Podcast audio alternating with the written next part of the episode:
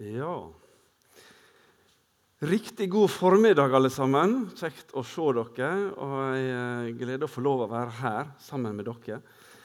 Um, dette har jeg gleda meg til. Um, og skal starte med å be. Himmelske Far. Nå ønsker vi oss et møte med deg, Herre og så går inn i ditt ord. Og det er det kun du som kan åpne for oss.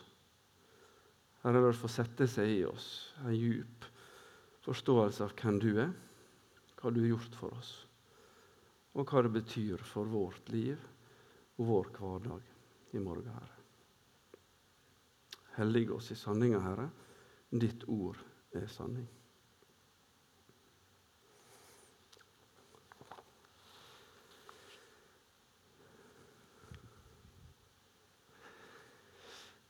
15. stadiet, omtrent tre kilometer fra Jerusalem, midt på kartet. Der finner oss eh, Betania. Hva var det for en by? Beth betyr hus. Derfor eh, har vi på kartet Betlehem, som betyr 'house of bread', livets brød, som ble født der. Betel, 'house of God', Guds hus. Betsaida i Galilea, nord for det kartet vi ser her. House of Fishing, der flere av Jesu disipler, fiskerne, kom ifra. Eh, hva da med Betania?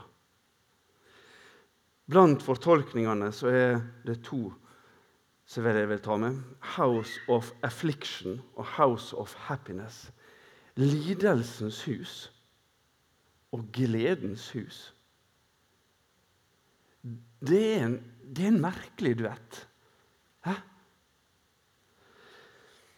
En kan altså gå fra Jerusalem, som uh, ligger på ei høgde, så kan en gå ned i Kedrondalen. Så går en opp på andre sida mot Oljeberget. Passerer Getsemanehagen. Så kommer en opp Oljeberget. Så kommer en til Betfag så kan en gå videre nedover bak Oljeberget, sett fra Jerusalems side, ned til Betania. Da er en starta på veien til Jeriko, helt ned til Jeriko. Betania er altså en nærliggende forstad til storbyen Jerusalem. Hovedstaden for det jødiske folket, hovedsetet for den jødiske trua, læra. Jesus var flere ganger i Betania. Han besøkte folk, og som mange andre så passerte han nok der en del ganger på gjennomreise til Galilea, kanskje også til Samaria av og til. Via Jeriko.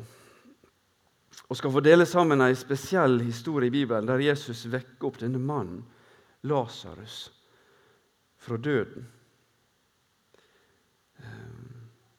Og skal stoppe opp med to element ved teksten. Én ting om dette livet vårt som oss lever her. Møte med medmennesker. Og det, var, det, er veldig tett på den sangen som vi nettopp fikk høre. Og så skal jeg si litt om det evige livet og møtet med Jesus. Og skal lese sammen fra Johannes 11. En mann som heter Lasarus, lå sjuk. Han var fra Betania, den byen som Maria og Martha, søster hennes, bodde i. Det var Maria som hadde salva Herren med olje og tørka føttene hans med håret sitt. Lasarus, som var sjuk, var bror hennes. Søstrene sendte da bud til Jesus og sa, 'Herre, han som du er så glad i, er sjuk.' Da Jesus hørte det, sa han, 'Denne sykdommen fører ikke til døden.' Nei, han er til Guds ære. Han skal herliggjøre, Guds sønn. Jesus ble svært glad i Martha og søster hennes og Lasarus. Da han nå hørte at Lasarus lå syk, ble han værende enda to dager der han var. Da først sa han til læresveinene.: Kom, la oss dra tilbake til Judea. Rabbi, sa de, nå nettopp ville jødene steine deg, og så drev du dit på nytt. Jesus svarer, har ikke dagen tolv timer? Den som går om dagen, snubler ikke, for han ser lyset i denne verden. Men den som går omkring om natta, snubler fordi han ikke har lyset i seg. Da Jesus hadde sagt dette, sa han til dem, Lasarus, vennen vår, er sovna. Men jeg går og vekker han. Herre, sa læresveinene, er han sovna? Da blir han vel frisk igjen? Jesus hadde tala om at han var død, men de trodde han tala om vanlig søvn. Da sa Jesus rett ut, Lasarus er død. Og for deres skyld er jeg glad at jeg ikke var der, slik at det kan komme til å tro. Men kom, la oss gå til ham. Thomas, han som ble kalt Tvillingen, sa da til de andre læresveinene Vi går med, vi òg, så kan vi dø sammen med han. Da Jesus kom fram, fikk han vite at Lasarus alt hadde ligget fire dager i grava. Betania ligger ikke langt fra Jerusalem, bare 15 stadier om dag. Og mange jøder var kommet til Martha og Maria og ville trøste dem i sorg over broren. Så snart Martha fikk høre at Jesus kom, gikk hun og møtte han. Men Maria ble sittende hjemme. Martha sa til Jesus, 'Herre, hadde du vært her, da hadde ikke bror min dødd.' Men nå òg veit jeg at alt det du ber Gud om, vil Han gi deg. Bror din skal stå opp igjen, sier Jesus. Ja, jeg veit at han skal stå opp igjen når alle står opp på den siste dagen, svarte Martha. Da sa Jesus til henne, Jeg er oppståda og livet. Den som tror på meg, skal leve om han så dør. Og hver den som lever, og tror på meg, skal i æva ikke dø. Tror du det? Ja, Herre, sier hun. Jeg tror at du er Messias, Guds sønn, han som skal komme til verden. Da hun hadde sagt dette, gikk hun og kalte ei løgn på Maria, søster si, og sa til henne, 'Mesteren er her og spør etter deg.' Da Maria hørte det, reiste hun seg straks og gikk ut til ham. Jesus var ennå ikke kommet inn i landsbyen. Han var fremdeles der Martha hadde møtt ham. De jødene som var hjemme hos Maria og trøsta henne, så at hun brått reiste seg og gikk ut, og de følte etter. De tenkte at hun gikk ut til grava og ville gråte der. Nå som Maria kom dit Jesus var og fikk se han, kasta hun seg ned for føttene hans og sa, 'Herre, hadde du vært her, hadde ikke bror min dødd.' Da Jesus så at hun gret, både hun og alle jødene som fulgte henne, ble hun oppskaka og opprørt i sitt indre. Og han sa, 'Hvor har dere lagt han?' 'Kom og se, Herre', svarer de. Jesus gret. Da sa jødene, 'Se hvor glad han var i han.' Men somme av dem sa han som åpna øynene på en som var blind, kunne han ikke hindre at den mannen døde? Jesus ble igjen opprørt og gikk bort til grava. Det var ei håle, og det lå en stein framfor åpninga. Ta bort steinen, sier Jesus. Herre, sier Martha, søster til den døde, det lukter alt av han. Han har ligget fire dager i grava. Jesus sier til henne, sa jeg deg ikke at dersom du tror, skal du få se, Guds herligdom? Så tok de steinen ifra. Og Jesus så opp mot himmelen og sa, Far, jeg takker deg fordi du har hørt meg. Jeg visste at du alltid hører meg men jeg sier dette på grunn av folket som står omkring, så de skal tro at det er du som har sendt meg. Da han hadde sagt det, ropa han høyt. Lasarus, kom ut! Og den døde kom ut med hendene og føttene sveipte i likklede og med en duk bunden over anletet. Jesus sa til dem, løs han og la han gå. Fire dager i dødsriket, så henta tilbake fra evighetens venterom. Jeg kommer på en rekke spørsmål jeg kunne tenkt meg å stille Lasarus akkurat der og da. Iallfall om han hadde eh, fått seg et bad kanskje først. Tenk på søstrene Martha og Maria, som plutselig fikk se han i øynene etter å ha lagt han i grava. Så er det noe litt underlig jeg hadde lyst til å nevne. Fordi Jesus hadde på et tidligere tidspunkt kommet med ei likning om en Lasarus og en rik mann som døde og kom til dødsriket. Denne rike mannen til avdeling pine og Lasarus til avdeling paradis, der Abraham var. Er det tilfeldig at Jesus brukte navnet Lasarus i likninga si? Navnet på en av sine beste venner. Navnet til han som han seinere skulle vekke opp fra døden. Jesus bærer jo ikke veldig preg av å være av den tilfeldige typen. De jødiske byene hadde strenge regler, lover om sykdom. Spedalske ble tatt ut av byene, på utsida av byportene. Og i de store byene der han hadde sett kolonier, egne kolonier for syke. Betania var nok ikke noen leprakoloni, men var Betania en sånn utpost for fattighus og pleie av syke? Lidelsens hus? Kan jeg få driste meg til å lese litt fra Wikipedia til dere? Ja.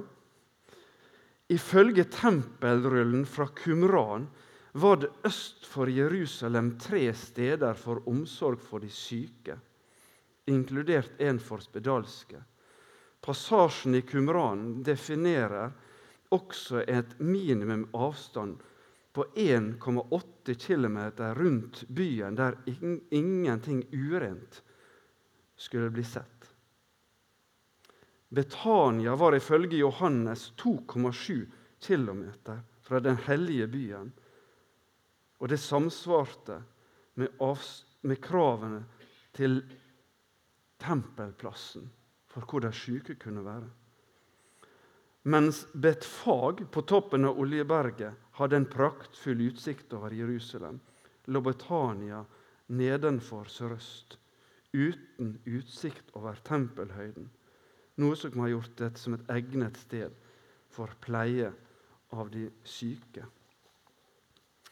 I en annen likning så forteller Jesus til oss om en mann som ble slått ned langs veien fra Jerusalem til Jeriko. Det er jo denne veien her. Så sto det det kom en samaritan til slutt og tok seg av han og førte han til et herberge der, de, der han kunne betale for han. Og så fikk han pleie. Var det Betania Jesus tenkte på, skal tru? Det var jo der, i området. Vi leser at Maria salva Jesu føtter og hode i Betania.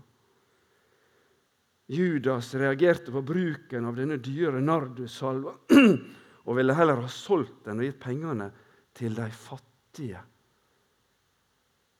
sa Judas der i Betania. Og Så sier Jesus disse litt merkelige orda. De fattige har det alltid hos dykk, sa Jesus i Betania. Hvor var de helst når dette skjedde? De var på heimebesøk, Jesus sitt heimebesøk i Betania til Simon den spedalske. Og jeg undrer meg hvorfor bodde Simon den spedalske der? Hvorfor fikk han være der? De må ha hatt noen andre grenser for syke, for fattige, for spedalske. Der er Betania. På utsida av byportene til Jerusalem.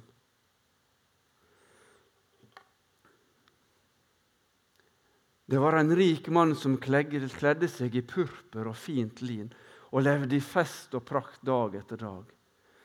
Men en fattig mann som heter Lasarus, lå utenfor porten hans, full av verkesår. Har du lest den likninga på den måten før? Som en fattig by utenfor Jerusalem sine porter, full av mennesker med verkesår er det Jerusalem med all sin prakt og rikdom, og Betania som oppholdssted for de syke, som Jesus taler om, taler om inn i sin samtid her. Den rike mannen med nok et stikk til Jerusalem, fariseere, presteskap og all rikdommen. Det samsvarer iallfall veldig med mye annet, sier Jesus tale og formaninger. Også denne Lasarus, da. Kanskje er det nok en gang en sånn utstrakt arm til de fattige, til de svake, til de utstøtte. Kanskje var det Betania han tenkte på. Jeg veit ikke. Men han var ofte der. Han overnatta der, han var på vennebesøk der, han var på middagsbesøk der. Han gikk via Betania ned til Jeriko oppover mot Galilea. Mange gikk av og til den veien for å unngå Samaria, faktisk. Merkelig når Jesus laga en likning og sier at det var en samaritan som gikk der. Det var ikke den mest vanlige veien å gå for dem. Dette var det Jesus gjorde. Det. Han oppsøkte de svake, de syke, de utstøtte, de som var tilsidesatt. Han sa det sjøl. Det er ikke de friske som trenger lege, men de som har det vondt. Det var i denne byen, lidelsens hus, med all sin smerte og liding, Martha og Maria Lasarus bodde. Jesus hadde jo andre nære venner. Han hadde disse tre, Peter, Jakob og Johannes, disiplene. De som var ekstra nærme. Så det fornemmer en at det, han hadde tre venner som han hadde oppdaga i Betania. Martha, Maria og Lasarus. Disse søskna der. Han kunne da vel ha henta seg en vennekrets i Jerusalem. I høg sosial klasse og status blant eliten. Det hadde han ikke gjort.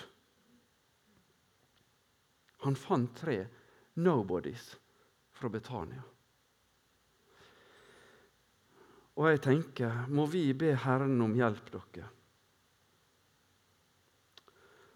til å finne Betania?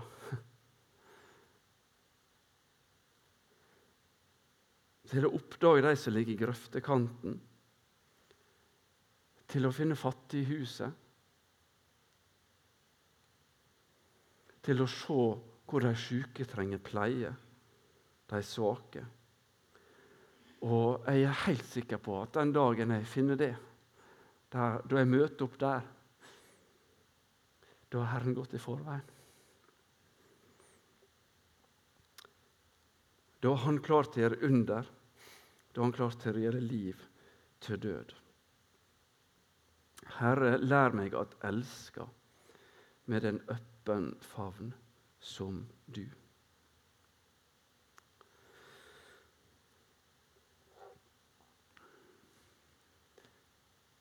Det var den ene delen. Og så til slutt litt om den andre delen, møtet med Jesus. Det som jeg tror jeg både oppfatter litt som et hovedtema i teksten, ett til i alle fall, om liv og død. Og så blir utfordra litt du, på å prøve å ta Guds briller på. Se ting fra Guds perspektiv. For her er noen underlige språkgreier i denne teksten som kanskje du har lagt merke til. Det starta jo i vers 4. Da Jesus hørte det, sa han denne sykdommen fører ikke til døden. Og da tenker jeg, Jo, det gjorde det vel. Det førte da vitterlig til døden. Men ok, la oss lese videre. Nei, til Guds ære. De skal herliggjøre Guds sønn. Og så kommer denne litt merkelige passasjen fra vers 11. Da Jesus hadde sagt dette, sa han Lasarus' venn vår er sovna, og jeg går og vekker han. Og disiplene tenkte men kjære folk, skal vi ut og gå fire dager for å vekke et menneske? De må jo kunne våkne på egen hånd. Det er jo på en måte det som er greia. ikke sant? Hallo, Det må være noen andre som kan vekke han. Kanskje var de i Galilea. Jeg vet ikke hvor de var helst. Fire dager fra han, ikke sant? Og så er det Jesus som tar av seg brillene sine, som han egentlig har. Og så sier han, litt på deres språk eh, OK, han, han er død. Men det var ikke det han egentlig sa. Han sa han hadde sovna.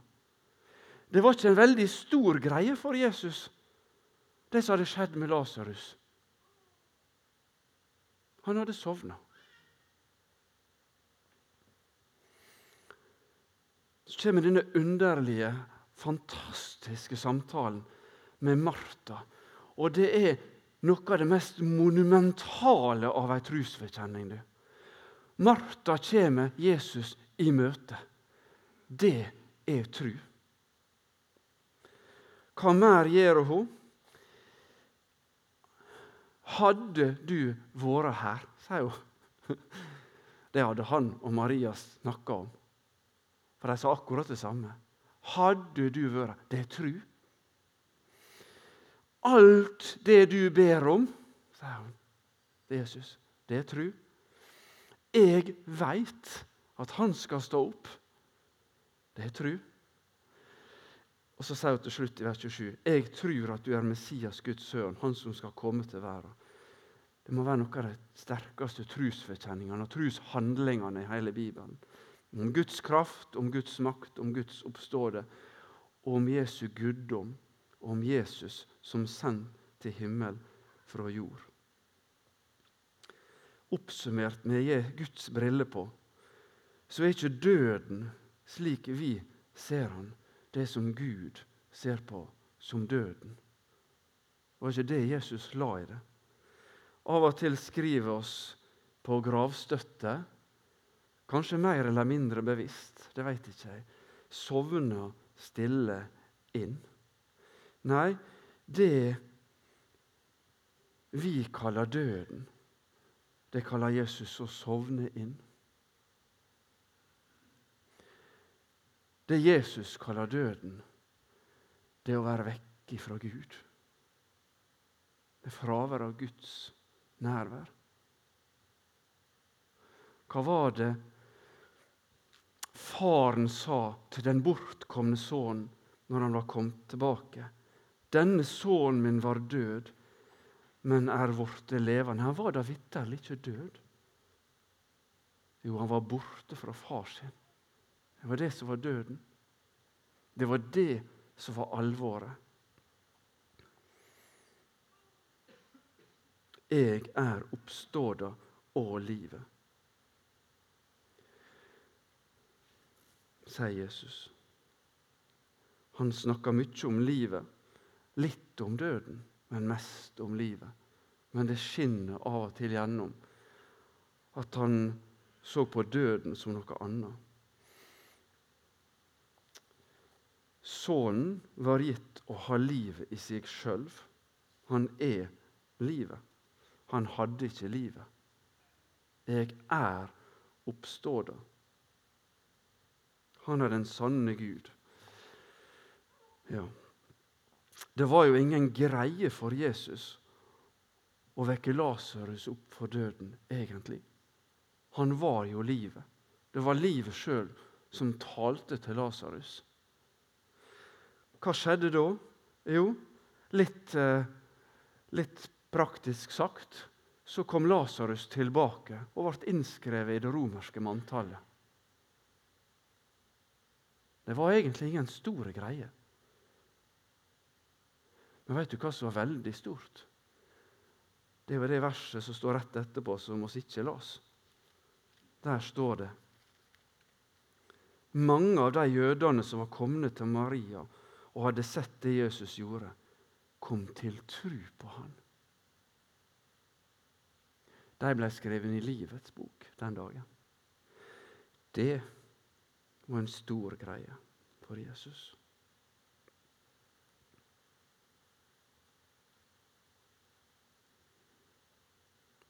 Av og til har jeg tenkt at det største av alt måtte få være å, å stå der utafor denne grava og se, og se han komme.